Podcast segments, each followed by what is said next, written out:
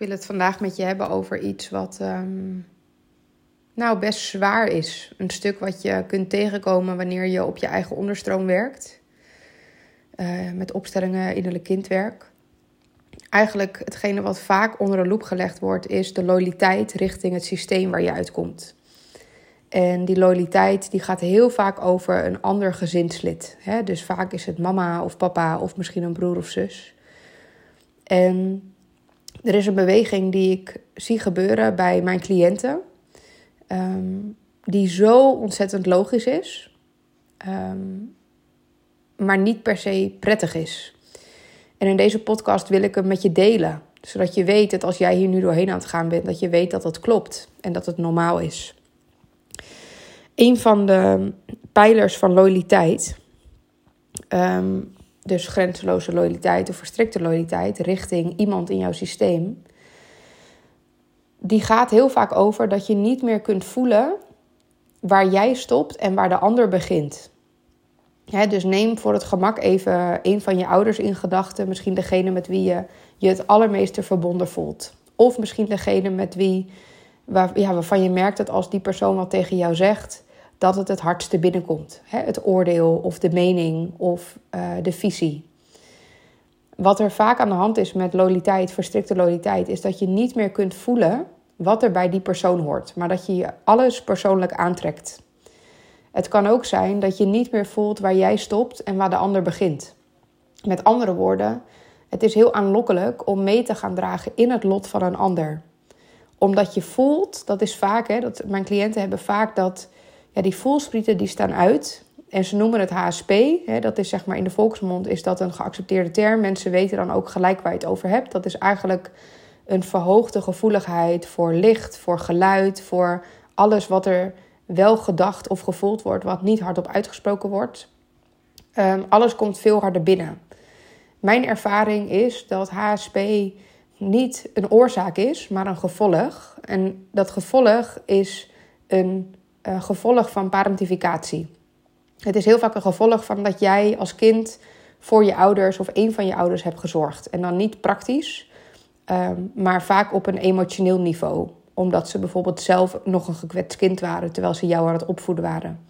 dus zelf niet gezien zijn door hun eigen ouders, waardoor jij op een emotionele laag voor hun bent gaan zorgen.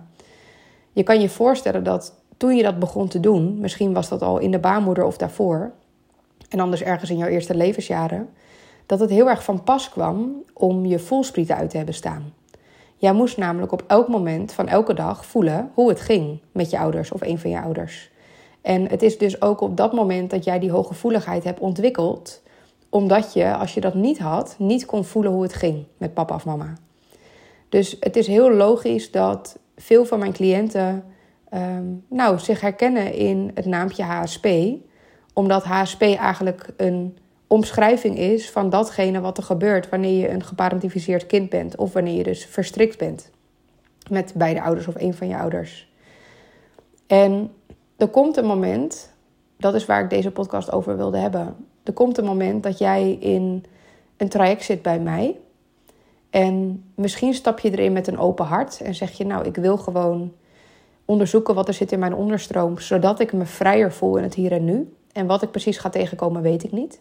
Maar het kan ook zijn dat je instapt met een hulpvraag. Dus dat je merkt dat bijvoorbeeld de relatie met jouw moeder heel erg ingewikkeld is. En dat je vanuit dat stuk in het hier en nu, hè, dus, dus de oordelen, het verwijten, het feit dat ze je niet begrijpt, dat ze nooit zegt dat ze trots op je is, dat ze nooit bevestigt dat je het goed doet, dat ze eigenlijk nooit aan je vraagt hoe is het nou met je, ehm, dat ze niet betrokken is of kan zijn het kan best zijn dat dat voor jou zo'n groot pijnpunt is dat je nou, daar uh, iets in te doen hebt. En dat je voelt van het beklemt me, uh, ik voel het oordeel, ik heb er last van. Het voorkomt dat ik mijn plek in kan nemen, want ik ga me altijd verhouden tot mijn moeder en maak dan pas een keuze die eigenlijk voor mij goed is, waardoor ik helemaal niet meer bij mezelf kan voelen wat ik nou wil. Het kan best zijn dat je met zo'n pijnpunt instapt. Hoeft niet, kan wel. Waar je ook mee instapt, of dat is met een open hart of met een hele bewuste vraag, weet in mijn traject dat we de gelaagdheid van jouw vraag gaan onderzoeken. Wat er in de bovenstroom gebeurt, dus wat jouw moeder in het hier en nu doet als ze nog in je leven is, dat is minder relevant. Tenminste, het duidt wel aan waar voor jou de triggers zitten. Hè? Dus als je je heel erg geraakt voelt door iets wat je moeder zegt of doet of juist niet doet, dan is dat een uitnodiging om te zoeken waar, waar gaat die geraaktheid over. Veel relevanter is dus om gelijk naar de onderstroom te gaan en om te onderzoeken wat jullie dynamiek is. En je zal merken dat wanneer wij samenwerken, dat we naar de bron gaan, de wortel van die dynamiek. En heel vaak is dit een kindstuk en soms nog daarvoor. Wat er gebeurt wanneer we die stukken gaan aankijken en hoe ik dat doe en hoe dat er dan uitziet, ehm, dat ga je ervaren als je bij me instapt, is ook niet zo relevant voor deze podcast. Waar het me om gaat, is dat er gaat een moment komen op jouw reis bij mij dat je ehm, in een soort spagaat komt. Het is namelijk jouw gevoel in het hier en nu, dat beklemmende of ik voel me niet vrij, wat een beweging in werking zet. Hè? Dus jij stapt bij mij in voor jezelf om daaraan te werken. Maar de loyaliteit die jij bijvoorbeeld voelt in dit, in dit voorbeeld richting jouw moeder, die zorgt er ook voor dat er een moment in de tijd gaat komen dat wanneer je dit als een ui, die schillen die gaan eraf, wanneer je dat aan het doen bent, zal je merken dat het gepaard gaat met schuldgevoel. En heel vaak komt er op dat moment iets op. Dat zie ik eigenlijk altijd in sessies met cliënten gebeuren.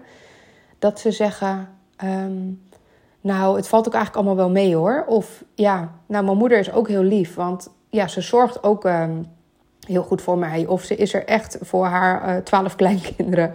Of ehm, ik snap het ook wel, want het was ook heel erg uh, moeilijk thuis. Of ja, mijn broertje die is gehandicapt en ja, die vroeg nou eenmaal veel aandacht. Dus ik snap het echt wel dat mijn moeder er voor mij niet kon zijn. En dus dit soort zinnen worden er dan uitgesproken. En dit is de loyaliteit die spreekt. En het is waar. Hè? Het, natuurlijk is het waar. Ik zou echt willen zeggen, lieverd, natuurlijk is het waar. Dat je moeder niet alleen maar donker, duister en verschrikkelijk is. Natuurlijk is dat waar. En in therapie kijken we natuurlijk naar het stuk wat er nog ergens als een brokstuk op jouw weg, in jouw veld ligt, waardoor jij niet jouw plek in kunt nemen. Dus natuurlijk worden alle spotlights gericht op het stuk in jouw, op jouw tijdlijn, in jouw relaties, in jouw systeem, waar het nog niet lekker stroomt. We vergroten eigenlijk het pijnpunt uit. Dat is wat we doen. Niet geforceerd, niet door erop te drukken als een puist, maar gewoon we gaan er naartoe. We bewegen naar de pijn toe en we kijken wat daar gezien wil worden. En heel vaak is dat gewoon een heel klein meisje, een heel klein jongetje in jou, wat op een bepaald moment op de tijdlijn zich niet gezien of gehoord heeft gevoeld. En daar vindt heling plaats, hè, doordat we daar naartoe gaan en we daar interventies doen.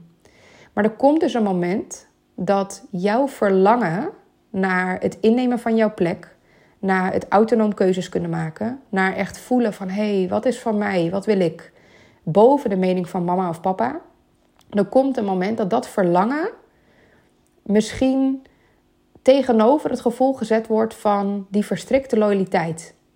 En die gaat over, oh het viel ook allemaal wel mee hoor, en mama heeft echt haar best gedaan. Dit is de loyaliteit die praat. Dit gaat over, ik mag mama niet afvallen. Want als ik dat doe, dan kan zij het niet dragen, dan valt ze om, dan voelt ze zich niet gezien. Of dan hoor ik er niet meer bij, dan ziet ze mij niet. Dus weet dat als jij nu door een stuk heen aan het bewegen bent, wat gaat over loyaliteit, of dat nou iemand anders in je systeem is of een van je ouders, dat het klopt dat er een moment in de tijd komt dat je je schuldig gaat voelen. En dat je met woorden, dus bovenstroom, met je hoofd, gaat proberen om goed te praten, dat het eigenlijk allemaal wel meevalt dit is ook een beweging die je kent. Dit is eigenlijk een beweging van ik hou mijn hand boven het hoofd van de persoon uh, waar ik mee verstrikt ben. En uh, dit, dit hoort er dus bij. En dit is nodig ook. Dit is nodig om hieruit los te komen. En je kan je voorstellen, we werken op twee verschillende lagen. In de bovenstroom zijn er in het hier en nu altijd wel aanleidingen of irritaties of dingen waar je doorheen aan het bewegen bent in de onderstroom komt er heel vaak dus een systemisch of een kindstuk bij kijken. Het is ditzelfde kind wat dan vervolgens met die bewoording komt als ja, het valt ook allemaal wel mee, mama deed wat ze kon, papa had het ook zwaar. Ehm, en dat kind is zo gewend om zorg te dragen dat ditzelfde meisje of ditzelfde jongetje dus ook zich een noodzaak voelt en echt ten diepste voelt van het valt allemaal wel mee. En ehm, weet dus dat als je in dit proces zit, dat je door deze tijdlijn heen beweegt. Het zou zelfs zo kunnen zijn dat wanneer wij starten, dat je het eigenlijk helemaal geen prettig gevoel vindt om zo over je ouders of over iemand, je broer, zus te praten in het systeem. Dat je echt de neiging hebt om ze te verdedigen. Dat wanneer ik bijvoorbeeld beaam van nou, dat, dat, lijkt me best verdrietig wat er toen gebeurd is. Of ik kan me voorstellen dat je je toen echt niet gedragen voelde. Dat je nog niet eens kunt zien of onderkennen, ja dat klopt, ik voelde me heel eenzaam. Maar dat er gelijk een stem opkomt die zegt, nee joh, het valt allemaal wel mee hoor. En ik weet dat ze het goed bedoelde. dat is de verstrikking die praat. Dat is eigenlijk de plek waar jij in bent gaan staan om te zorgen voor een ander. Die wordt dan actief. Dus weet dat in het proces dat je door zo'n baan heen gaat bewegen van misschien eerst wel de ontkenning, vervolgens het naar de pijn toe gaat en echt kunt merken: jeetje, ik ben hier eigenlijk zo verdrietig over of ik heb me zo alleen gevoeld. En vervolgens gaat dat misschien gepaard met schuld, omdat je denkt: oh, wat erg, ja, maar mijn moeder had het ook zwaar, dus ik snap het ook. En dat is er ook, maar er is ook jouw verdriet. En er is ook jouw gemis. En er is ook een stuk in jou wat niet gezien is, wat niet gedragen is. En die mag er ook zijn. Dus wanneer jij, um, wanneer je eigenlijk teruggaat in dat oude patroon van die verstrikking en je zegt ja, maar uh, mama doet ook echt haar best en ze deed ook echt haar best. Wat je dan eigenlijk niet doet, is het aandacht geven, jouw aandacht geven aan jouw innerlijk kind, wat zich op dat moment gewoon echt niet gezien heeft gevoeld. dus je stapt vanuit een overlevingsmechanisme over haar heen en je zegt: Ja, het valt ook allemaal wel mee. Terwijl er echt een heel klein meisje of een klein jongetje ergens aan jouw been hangt en omhoog kijkt en denkt: ja, maar ik ben wel verdrietig. Hè, dus, dus je zou merken dat dit hoort bij je proces. Dat is het eerste. Dus het hoort bij je proces dat je het misschien eerst ontkent. Het hoort bij je proces dat je vervolgens in de weerstand gaat, want zo erg is het allemaal niet. Vervolgens hoort het bij je proces dat je misschien heel erg boos wordt of heel erg verdrietig of echt in de rouw gaat omdat je echt iets gemist hebt en het misschien wel voor het eerst in je leven echt kunt voelen. En het belangrijkste is, dat doen wij dus, ehm, is dat je er bent voor dat deel in jou.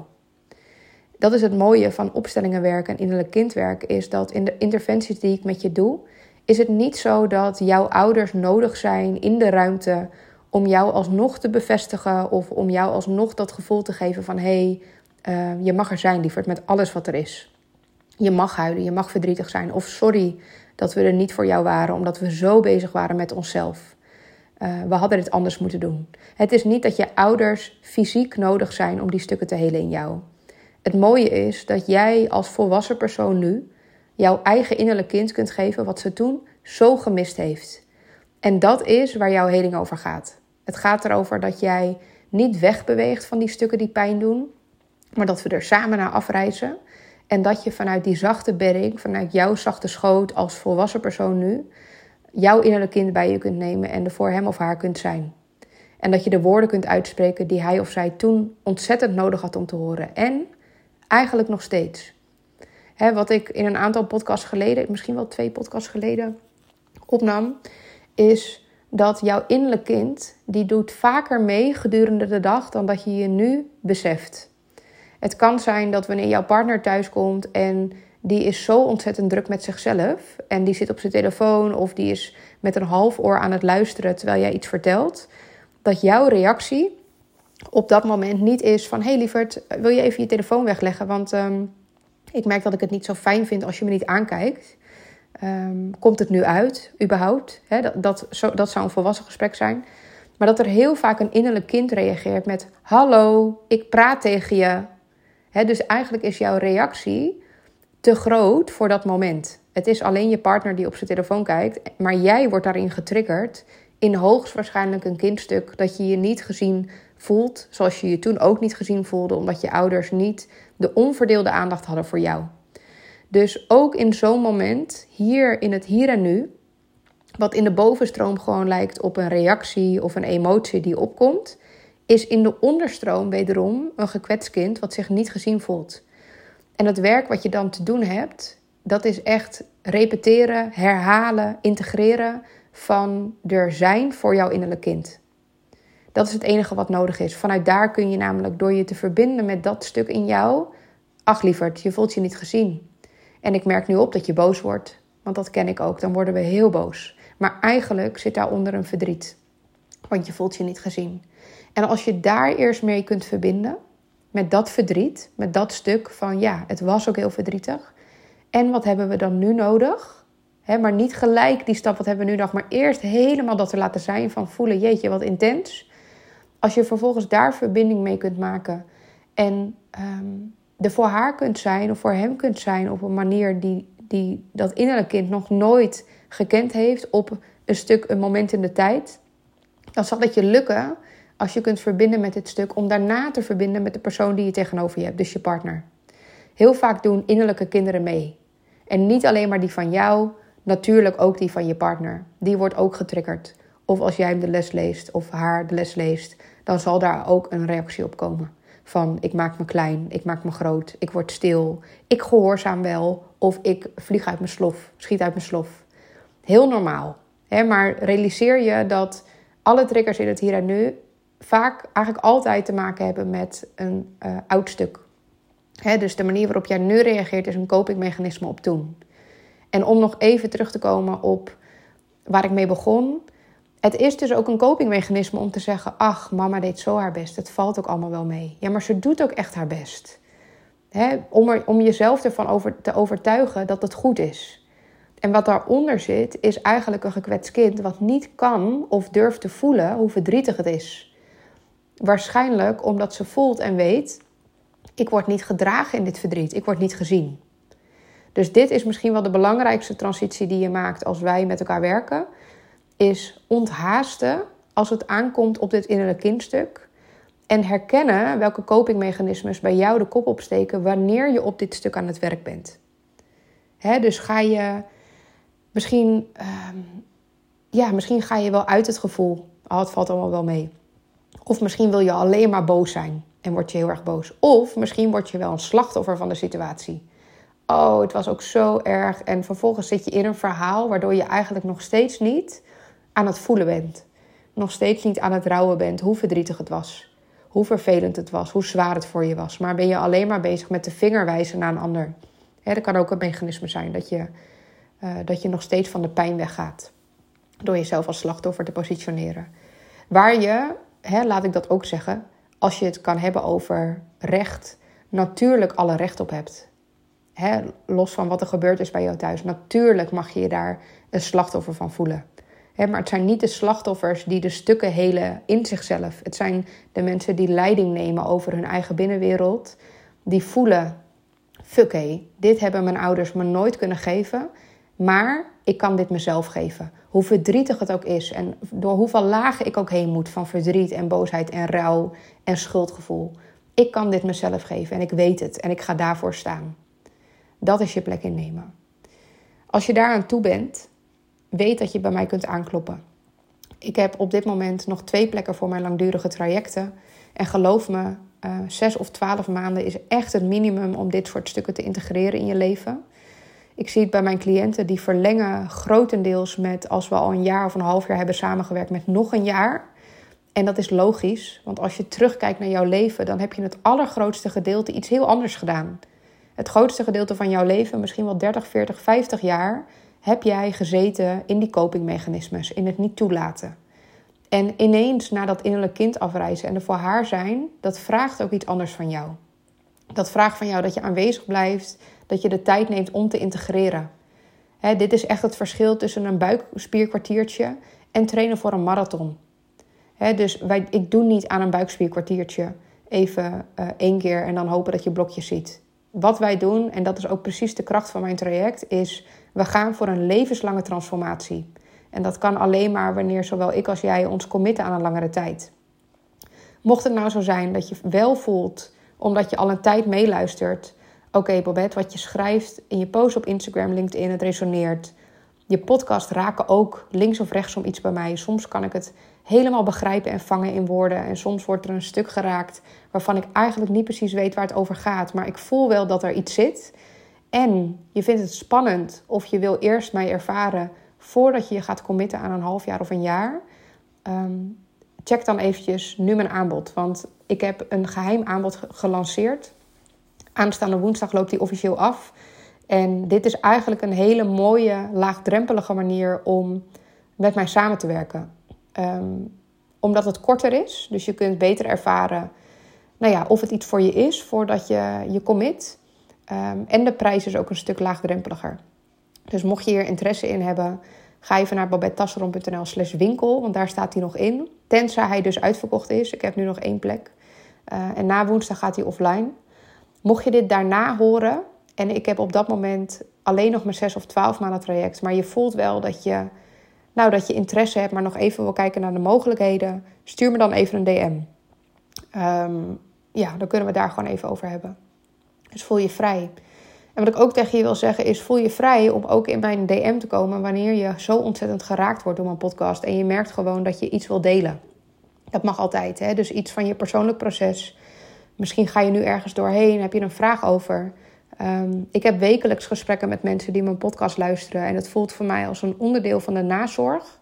Dus uh, als je wil dat ik mijn perspectief met je deel, weet dat je welkom bent. dat vind ik belangrijk om te delen, want ik weet als geen ander dat met dit soort thema's aansnijden, dat er heel veel los kan komen.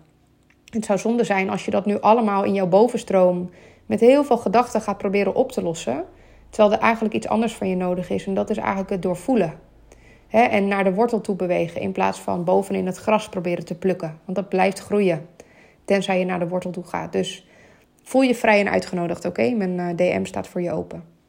Nou, thanks voor het luisteren. Uh, mocht je mijn podcast nog geen vijf sterren hebben gegeven, vind ik super leuk als je dat wil doen. En misschien wil je hem ook wel aanraden aan familie of vrienden. Veel van jullie die delen hem uh, best wel vaak met hun partner of hun uh, broers en zussen of goede vriendinnen. Um, en dat schept ook een bepaalde verbinding, heb ik gehoord. Omdat je gewoon de ander uitnodigt om ook eens te kijken naar lagen die niet per se aan de oppervlakte liggen. Dus voel je vrij. Hè? Voel je vrij om deze te delen als je denkt dat die waardevol voor iemand kan zijn. En uh, thanks voor het luisteren en tot de volgende.